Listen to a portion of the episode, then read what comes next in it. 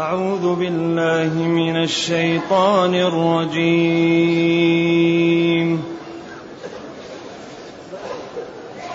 إذ أنتم بالعدوة الدنيا وهم بالعدوة القصوى.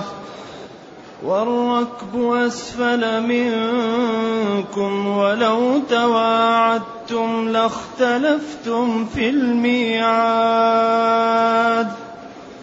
ولو تواعدتم لاختلفتم في الميعاد ولكن ليقضي الله أمرا كان مفعولا. ليهلك من هلك عن بينة ويحيى من حي عن بينة. وإن الله لسميع عليم. إذ يريكهم الله في منامك قليلا. ولو أراكهم كثيرا لفشلتم ولتنازعتم في الأمر. ولو أراكهم كثيرا لفشلتم ولتنازعتم في الأمر ولكن الله سلم. إنه عليم بذات الصدور. وإذ يريكموهم إذ التقيتم في أعينكم قليلا ويقللكم في أعينهم ويقللكم في أعينهم ليقضي الله أمرا كان مفعولا ليقضي الله أمرا كان مفعولا وإلى الله ترجع الأمور.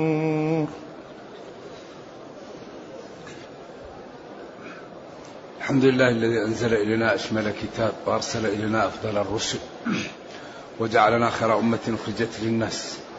فله الحمد وله الشكر على هذه النعم العظيمة والآلاء الجسيمة. والصلاة والسلام على خير خلق الله وعلى آله وأصحابه ومن اهتدى بهداه.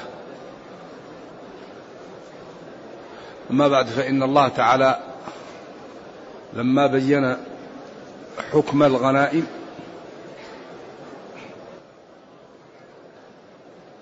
بين كيف يكون النصر وكيف يدبر الرب جل وعلا لأوليائه وكيف يخذل أعداءه يعني قال واعلموا أن ما غنمتم من شيء فأن لله خمسه. وبين أحكام كثيرة في هذه الآية. طيب أربعة أخماس. قال العلماء غنمتم إذا هي للغانمين. وهل الأخماس هذه يعني قلنا أن الصحيح أنها سهم الله هو سهم الرسول. وإنما ذكر لأن كل ما في الكون لله. أما ما قالوا إنه يجعل للكعبة هذا قول مرجوح. وإن قال به طائفة من العلماء. إذا أربعة أخماس للغانمين. للفرس سهمان. ولصاحبها سهم. وللراجل سهم. والنساء يرضخ لهن. وكذلك الأطفال. إذا حضروا المعركة. وهل بعد موت النبي صلى الله عليه وسلم سهمه يبقى أو يسقط؟ وهل سهم قرابته يبقى أو يسقط؟ أقوال للعلماء. الصحيح أن سهمه وسهم قرابته يكون يكون عند الإمام بعده يفعل فيه ما كان النبي صلى الله عليه وسلم يفعل فيه.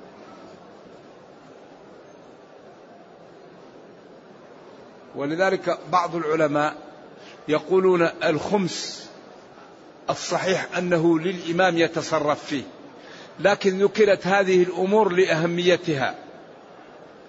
القرابة واليتامى والمساكين وابن السبيل.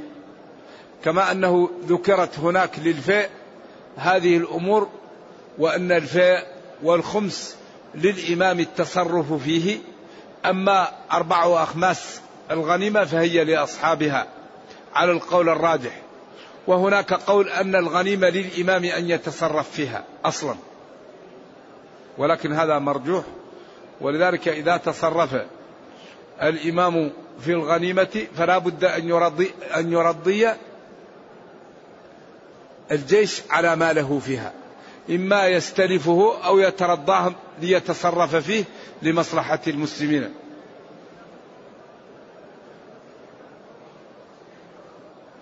بعدين هذا فيه تهييج وتحميس. إن كنتم آمنتم بالله فنفذوا ما قلت لكم.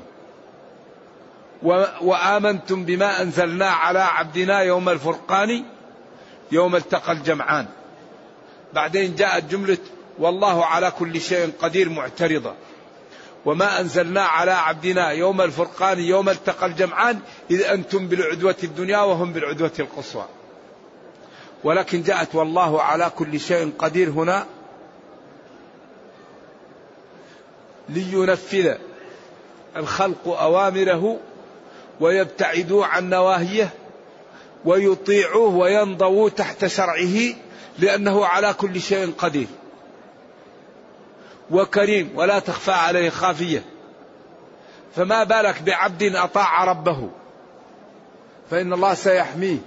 وينصره ويوفقه ويخذل أعداءه ويرد كيدهم عنه. وما بالك بعبد كفر بربه وهو بهذه القدرة وبهذه القوة وبهذا العلم. إذا إذ اذكر إذ أنتم بالعدوة الدنيا.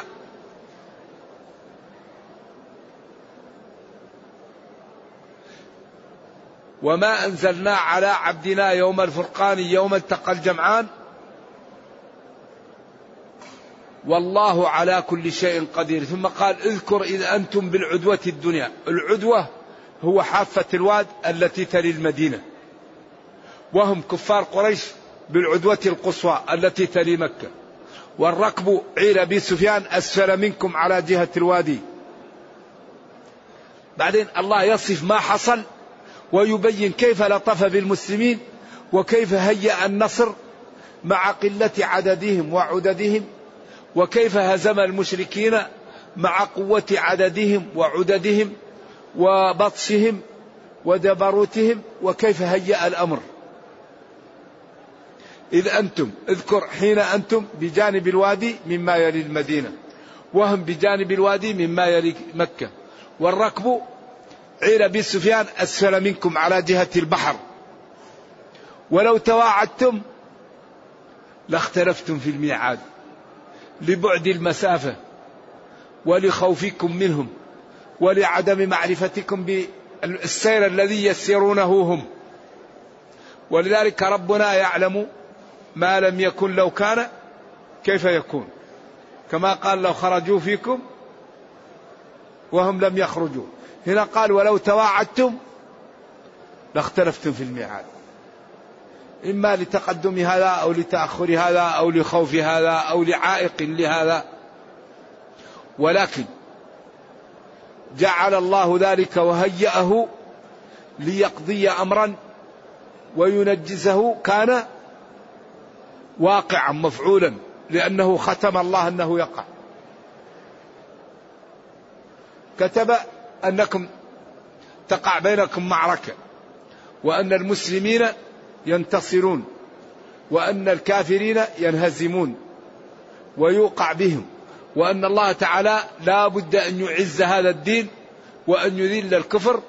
إذا دبر ذلك فذهبتم لعير أبي سفيان للمغنم ولم تستعدوا للمعركة.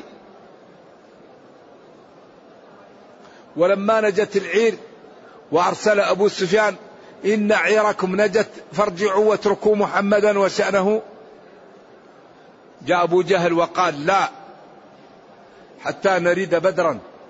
وكان موسما من مواسم اجتماع العرب. فنذبح ونطعم ونلقي المحاضرات وتغني لنا القيان. فتسمع بنا العرب فلا تزال تهابنا. إذا هو مشى بطر بطر ورياء وسمعة. ما مشى إلا لذلك.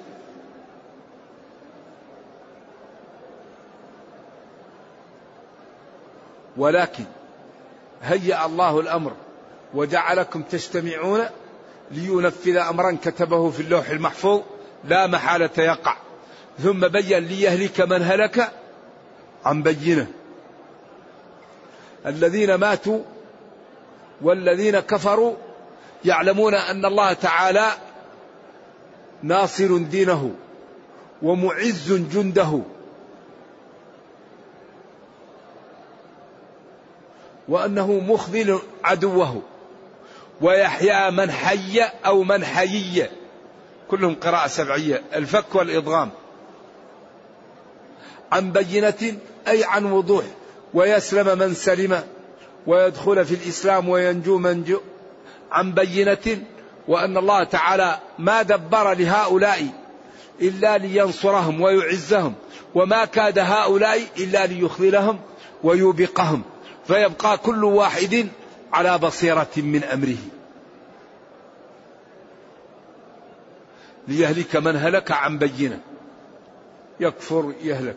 ويحيى من حي عن بينة. وإن الله جل وعلا لسميع لأقوالكم عليم بنياتكم. فلا مهرب منه إلا بالصدق. الله لا ينجي من عقوبته ومن سخطه إلا الاستقامة إلا أن العبد يصدق.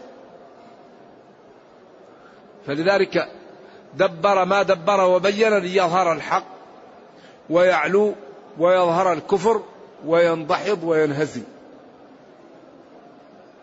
وإن الله جل وعلا لسميع لأقوالكم عليم بنياتكم فسيجازي كلا بعمله. إذا لا مهرب. كل واحد سيجازى بعمله. كل واحد يجازى بعمله. حتى إذا قال قالوا يوم القيامة والله ربنا ما كنا مشركين. انظر كيف كذبوا على أنفسهم وضل عنهم ما كانوا يفترون. واحد يقول ما عملت؟ يد تقول له يوم كذا في وقت كذا عملت كذا وكذا. رجل جلد يقول وقالوا لجلودهم لم شهدتم علينا؟ قالوا أنطقنا الله. إذا ما لا مهرب إلا الاستقامة. ما في. النجاة بالاستقامة. النجاة الواحد يتبع الشرع يترك الكفر والمعاصي والانحراف والنفاق والدجل والكيل بمكيالين. ويستقيم. هذا هو اللي ينجي. لأن الله تعالى كريم وقادر ولا تخفى عليه خافية. فإذا استقام العبد على شرعه ومشى على الطريقة المرسومة له الله يحميه. الله ينصره الله يوفقه الله يدفع عنه. والذي يلعب ويكذب وينافق سيجد ما عمل. عملت ليقال وقد قيل. وقدمنا إلى ما عملوا من عمل لأنه ما كان لله. الله لا يقبل إلا ما كان له. إذا هذا البيان وهذا الوضوح لا عذر لنا بعده. ثم قال اذكر إذ يريكهم الله في منامك قليلا. في منامك للعلماء فيها قولان. قول أي في عينك الذي هي محل النوم وهذا مرجوح. القول الثاني في منامك في حال اتصافك بالنوم رأيت أنهم كثير وهذا ليثبت الله المسلمين ويقوي شوكتهم ويرفع معنوياتهم على أعدائهم. ولذلك قال رأيتهم قليل في منامه وقيل رآهم بعينه الذي ينام بها وهذا مرجوح. ولو, ولو أراكهم كثيرا لفشلتم. فشلتم ضعفتم وخفتم وجبنتم عن ملاقاة العدو. ولكن الله سلم من الفشل ومن الجبن ومن ذلك الذي يكون سببا في الهزيمة. ولكن الله سلم إنه جل وعلا عليم بذات الصدور. عليم بذات ذات الخفيات المضمرات ذات الصدور. إذا ما في حل إلا أن الإنسان يصدق يصلي لله يصوم لله يقرأ القرآن لله يزكي لله يغض بصره لله يستغفر لله. ما في. وخطورة الموقف أن الإنسان إذا لم يعمل لله يوم القيامة يقول الله قد قيل أول من تسعر بهم النار القمم الذين لم يصدقوا. الشهيد العالم المتصدق المنفق. هؤلاء القمم هم هم خيار المجتمع لكن ما صدقوا. فلذلك ينبغي للعاقل أن يصدق. الله لا يقبل إلا ما كان له. والله لا تخفى عليه خافية. ونحن الآن في الدنيا. كل واحد يأخذ من نفسه لنفسه ويقلب أمره ويصلح حاله. وإلا يوم القيامة نرجو الله أن لا يفضحنا. نرجو الله أن يرزقنا الإخلاص لأن كل شيء ما هو لله خلاص. الصلاة لا تقبل إلا إذا كانت لله. الصوم لا يقبل إلا إذا كان لله. الصدقة لا تقبل إلا إذا كانت لله.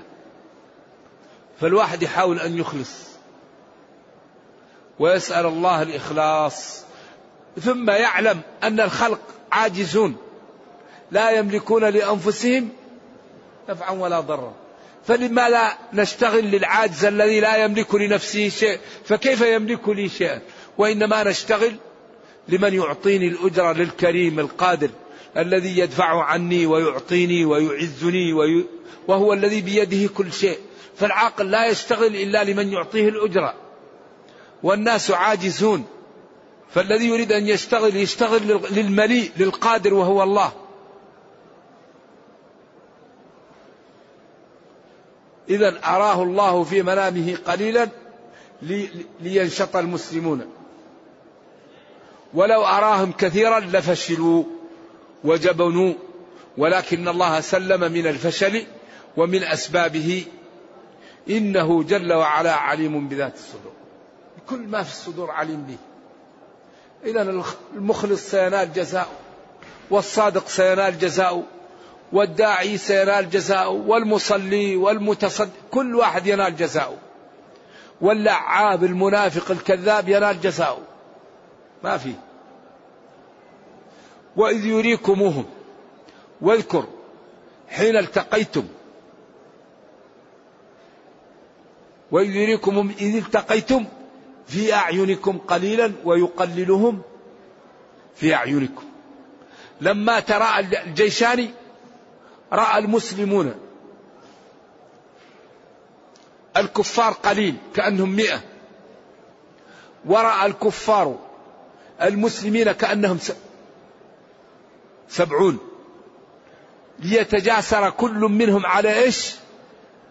على الثاني. فلما التحم القتال كثر المسلمون في أعين الكافرين ليخافوا وقلل الكفار في أعين المسلمين ليتشجعوا. جاءت الملائكة وبثت في قلوبهم الرعب وبدأت تضرب فيهم ورمى في أعينهم وقال شاهت الوجوه وانهزموا. ويقللكم في أعينهم إيش؟ ليقضي الله أمرا كان مفعولا. كرر كرر ليقضي الله ليعمل لأن الله كتب هذا ولازم يقع فدبر له التدبير حتى اجتمعتم في هذا المكان من غير ميعاد وهزم الكفار ونصر المسلمين فينبغي لنا أن نشكر الله وأن نطيعه وأن نعمل نعلم أسباب العز. أسباب العز هي الاستقامة على الدين وإعداد ما نستطيع إذا أردنا أن يعزنا ربنا فنستقيم. ومن الاستقامة أن نعد ما نستطيع لأعدائنا. فإذا استقمنا على الدين وتركنا المعاصي وأعددنا لأعدائنا ما نستطيع ربنا لازم ينصرنا. لأنه قال إن تنصروا الله ينصركم وربنا يقول إن الله لا يخلف الميعاد. إذا حري بنا أن نتمثل هذا الكتاب. حري بنا أن نلتزم أوامره.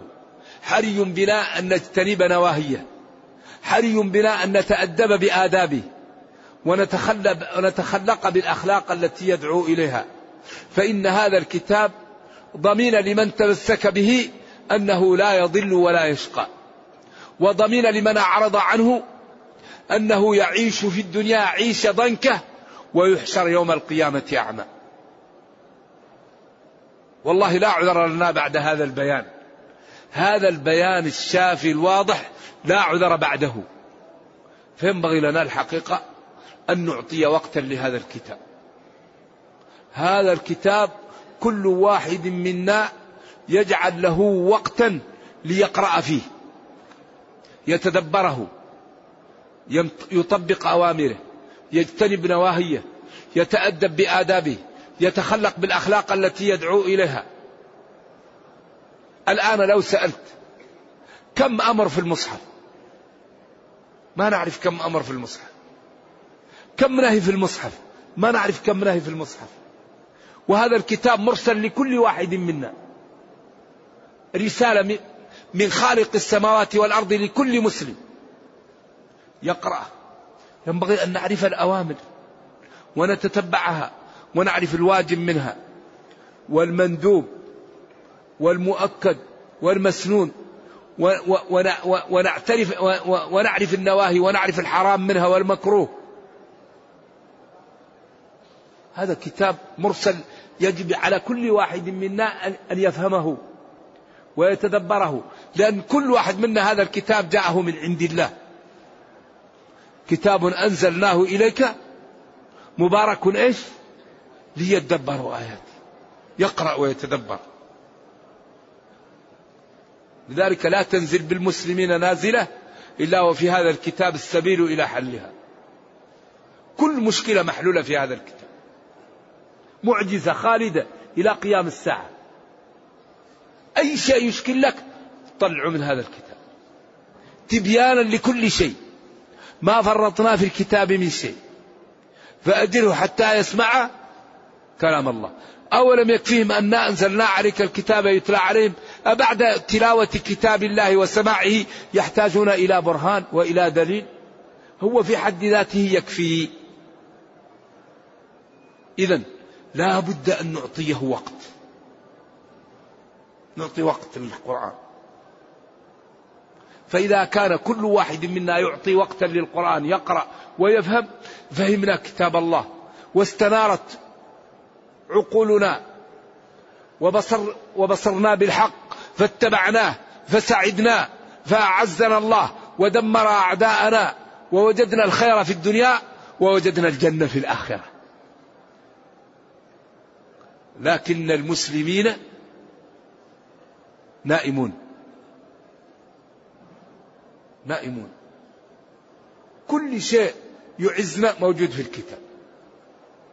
أخطر ما نواجه ما هو؟ ما هو أخطر ما تواجه الأمة بعد الكفر؟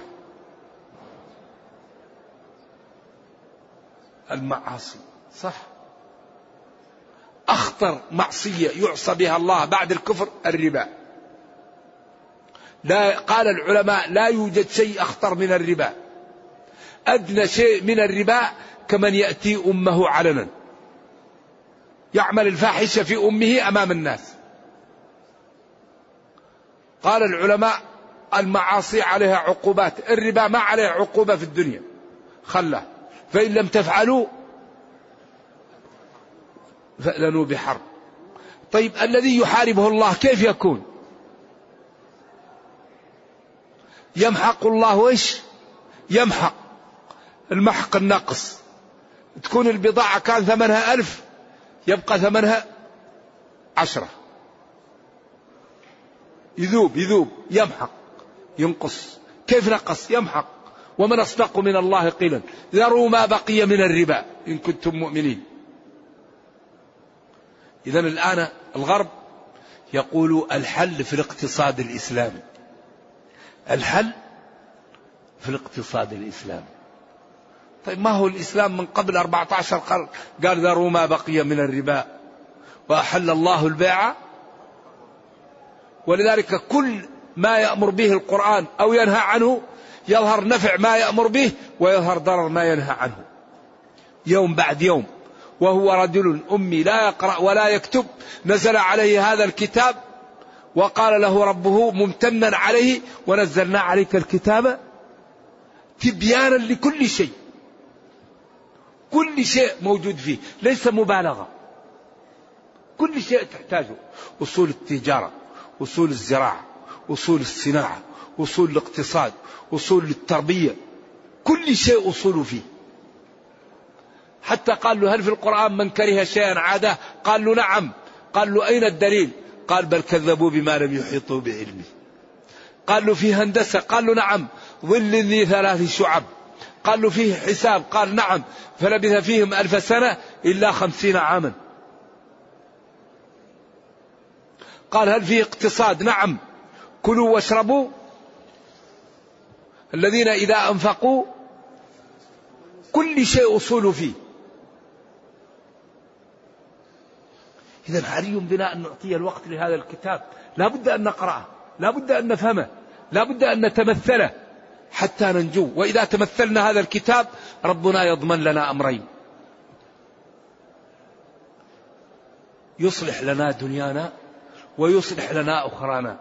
وأي شيء أعظم من أن يصلح للعبد دنياه وأخراه. ما الذي يريد العبد إلا أن تصلح له دنياه وأخراه؟ والذي يتمثل هذا الدين الله يصلح له دنياه وأخراه. ومن عاداه دمره ربه. من عادى لي وليا إذا لا بد أن نجتهد. لا بد أن نعطي وقت لهذا الكتاب. نتمثل. كل ما نحتاج إليه موجود فيه. نرجو الله جل وعلا أن يرينا الحق حقا ويرزقنا اتباعه وأن يرينا الباطل باطلا ويرزقنا اجتنابه وأن لا يجعل الأمر ملتبسا علينا فنضل. اللهم ربنا أتنا في الدنيا حسنة وفي الآخرة حسنة وقنا عذاب النار. اللهم أصلح لنا ديننا الذي هو عصمة أمرنا وأصلح لنا دنيانا التي فيها معاشنا وأصلح لنا آخرتنا التي إليها معادنا. واجعل الحياة زيادة لنا في كل خير والموت راحة اللهم إنا نسألك أن تحفظ هذه البلاد وأهلها وأن تحفظ بلاد المسلمين عامة وأن ترد عن المسلمين كيد أعدائهم وأن توحد صفوفهم وتقوي شوكتهم. اللهم ارحم ضعفنا وتجاوز عن سيئاتنا. سبحان ربك رب العزة عما يصفون وسلام على المرسلين والحمد لله رب العالمين. والسلام عليكم ورحمة الله وبركاته. يقول كيف يستطيع طالب العلم استحضار الآيات عند إرادة الاستشهاد بها؟ هذا يجيب وقته إنسان يقرأ ويفهم الأدلة ويحفظها. قال ابن عباس قيل لابن عباس بما حفظت العلم؟ قال بلسان سؤول وقلب عقول. كان ابن عباس يجلس عند بيت الأنصاري. حتى إذا خرج إلى الصلاة يسأله عن بعض المسائل. يقول له يا ابن عم رسول الله لما لا تدق الباب وتدخل حياك الله؟ قال لا أريد أن نزعجك أريد أن تعطيني المعلومة ونفسك مطمئنة. لذلك بما كنتم تعلمون الكتاب وبما كنتم تدرسون. ويقول اسألوا أهل الذكر إن كنتم لا تعلمون. إذا تعرف بالدراسة والسؤال. إنسان يسأل ويدرس. بعدين يعرف أن يستشهد ويستحضر الآيات.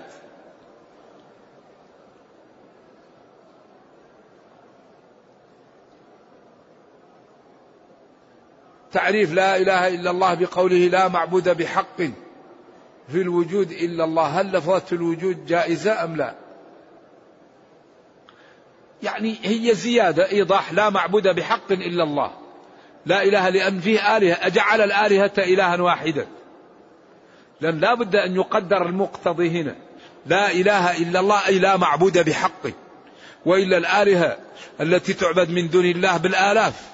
لو تذهب الآن إلى شرق آسيا كل واحد عنده معبود في بيته مسكين يعبده. ويذهبون إلى الأصنام يعبدونها ويسجدون لها. وتذهب إلى أيضا أفريقيا في بعض الأماكن. تشوف الناس يعبدون الأوثان. وفي بعض بلاد المسلمين تشوف الناس يذهبون إلى القبور ويطلبون منهم الحوائج. وهذا مشكل أيضا. يقول يأتي للقبر ويقول له أنا أريد مالا أريد أولادا أريد وظيفة. وصاحب القبر الله أعلم بحاله. والله يقول أمن يجيب المضطر إذا دعاه. أي لا معبود بحق إلا الله. لا معبود بحق إلا الله ولا لا يعبد في الوجود بحق إلا الله. هذا زيادة إيضاح ولا تضر. وبعدين الله لما أنزل القرآن أول ما أتى به لا إله إلا الله محمد رسول الله مفرقة بأدلتها بعد تقسيمه للناس إلى مسلم وكافر ومنافق. ناداهم وأتى بأول أمر. وذكر خمسة أمور لا يقدر عليها إلا الله. ثم أتى بأول نهي. ثم أتى ببرهان محمد رسول الله عن طريق الإقناع والإنصاف. وعن طريق مخاطبة العقول النيرة والأحاسيس الجياشة. ولذلك هذا الدين موضوع على قواعد ما يمكن يقاوم الإسلام. إلا بتجهيل المسلمين أو بعدم السماح لهم بالبيان. الإسلام لا يقاوم إلا أن يجهله أهله أو يمنعوا من بيانه. أما إذا فهم المسلم الإسلام وبين لا يقاوم. لذلك أول أمر اعبدوا ربكم. وأول نهي في المصحف فلا تجعلوا لله أندادا. وهذا معنى لا إله إلا الله. فحظ الإثبات منها اعبدوا ربكم وحظ النفي منها فلا تجعلوا لله أندادا. وبينها البراهين الدالة على قدرة الله. من هو ربنا الذي نعبد؟ خلقنا وآباءنا وخلق السماء وخلق الأرض وأنزل المطر من السماء وأخرج النبات من الأرض. فلا تجعلوا لله أندادا. والحال أن المذكورات لا يقدر عليها إلا الله. ثم جاء ببرهان محمد رسول الله. وإن كنتم في ريب مما نزلنا على عبدنا ما قال فقد كفرتم فأتوا بسورة من مثله. هذا الإنصاف. فإن لم تستطيعوا لن تستطيعوا في الماضي. فلم تستطيعوا في الماضي ولن تستطيعوا في المستقبل. فهناك الخطر ماثل وقد أوعد المكذب به النار فاتقوا النار. إذا مبني على أسس قوية الإسلام. أول شيء فيه لا إله إلا الله. محمد رسول الله مفرقة بأدلتها وهي التي قامت عليها السماوات والأرض. إذا ديننا دين راقي ممتاز بس نحتاج نقرأه نفهمه نتدبره نعطيه الوقت. ما تفسير قوله تعالى وأرسلناه إلى مائة ألف أو يزيدون؟ مع علمنا وإيماننا الجازم أن الله كان يعلم عددهم. فلماذا استخدم أو ليعلم خلقه أنهم إذا تكلموا يحتاطوا. قال ربما يود وإن كان ربما هنا مستعارة للتأكيد. ولكن إلى مئة ألف أو هنا بعضهم قال بمعنى بل يزيدون. أو إلى مئة ألف ويزيدون عليها. أو أو بمعنى الواو على الأقوال الموجودة في أو يرجع لها. لكن قال الشاطبي أن الله تعالى في القرآن يبين ربما ويقول يمكن كذا حتى يعلم الخلق أنهم لا يتأكدوا لا يقولوا إلا ما تأكدوا فيه. من الممكن أن يكون كذا. حتى تجعل لنفسك إيش؟ فسحة. ولا تقل شيء ويطلع غير صحيح. ولذلك الرجل الذي أرادوا أن يأخذوا عليه الكذب فصار كل ما حدثهم يحدثهم إلا بما رأى. فأخذوا غنما وجزوا طرف منها وتركوا الطرف الثاني ومروها عليه. فقال هل مرت بك هنا غنم؟ قال مرت بي غنم الطرف الذي يليني مجزوز الطرف الثاني ما رأيته. يعني يريد أن يأخذ عليه الكذب فهو يحتاط في هذا. نعم. هل وضع المال في بنك ربوي من أجل الحفاظ عليه جائز علما بأن البنوك صارت كلها ربوية.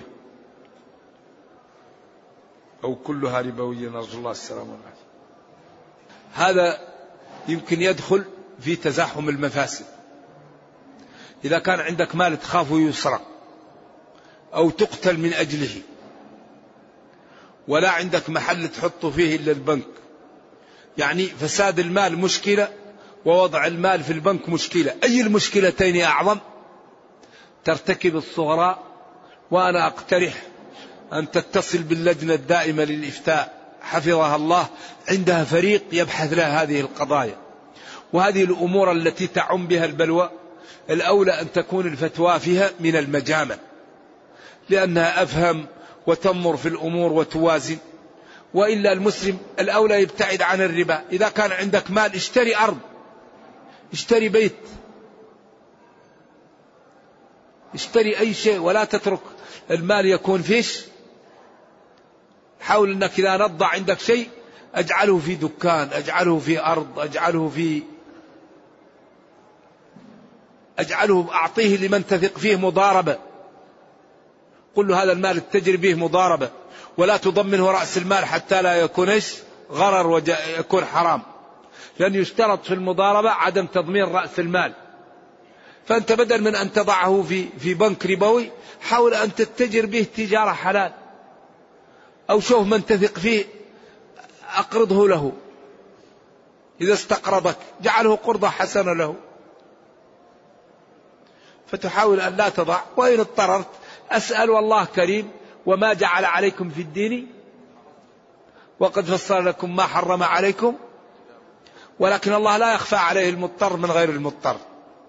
المضطر في أي شيء الله يسامحه. لكن غير المضطر لا يخفى على الله. نرجو الله أن يرزقنا وإياكم الاستقامة. خلاص نكفي هذا.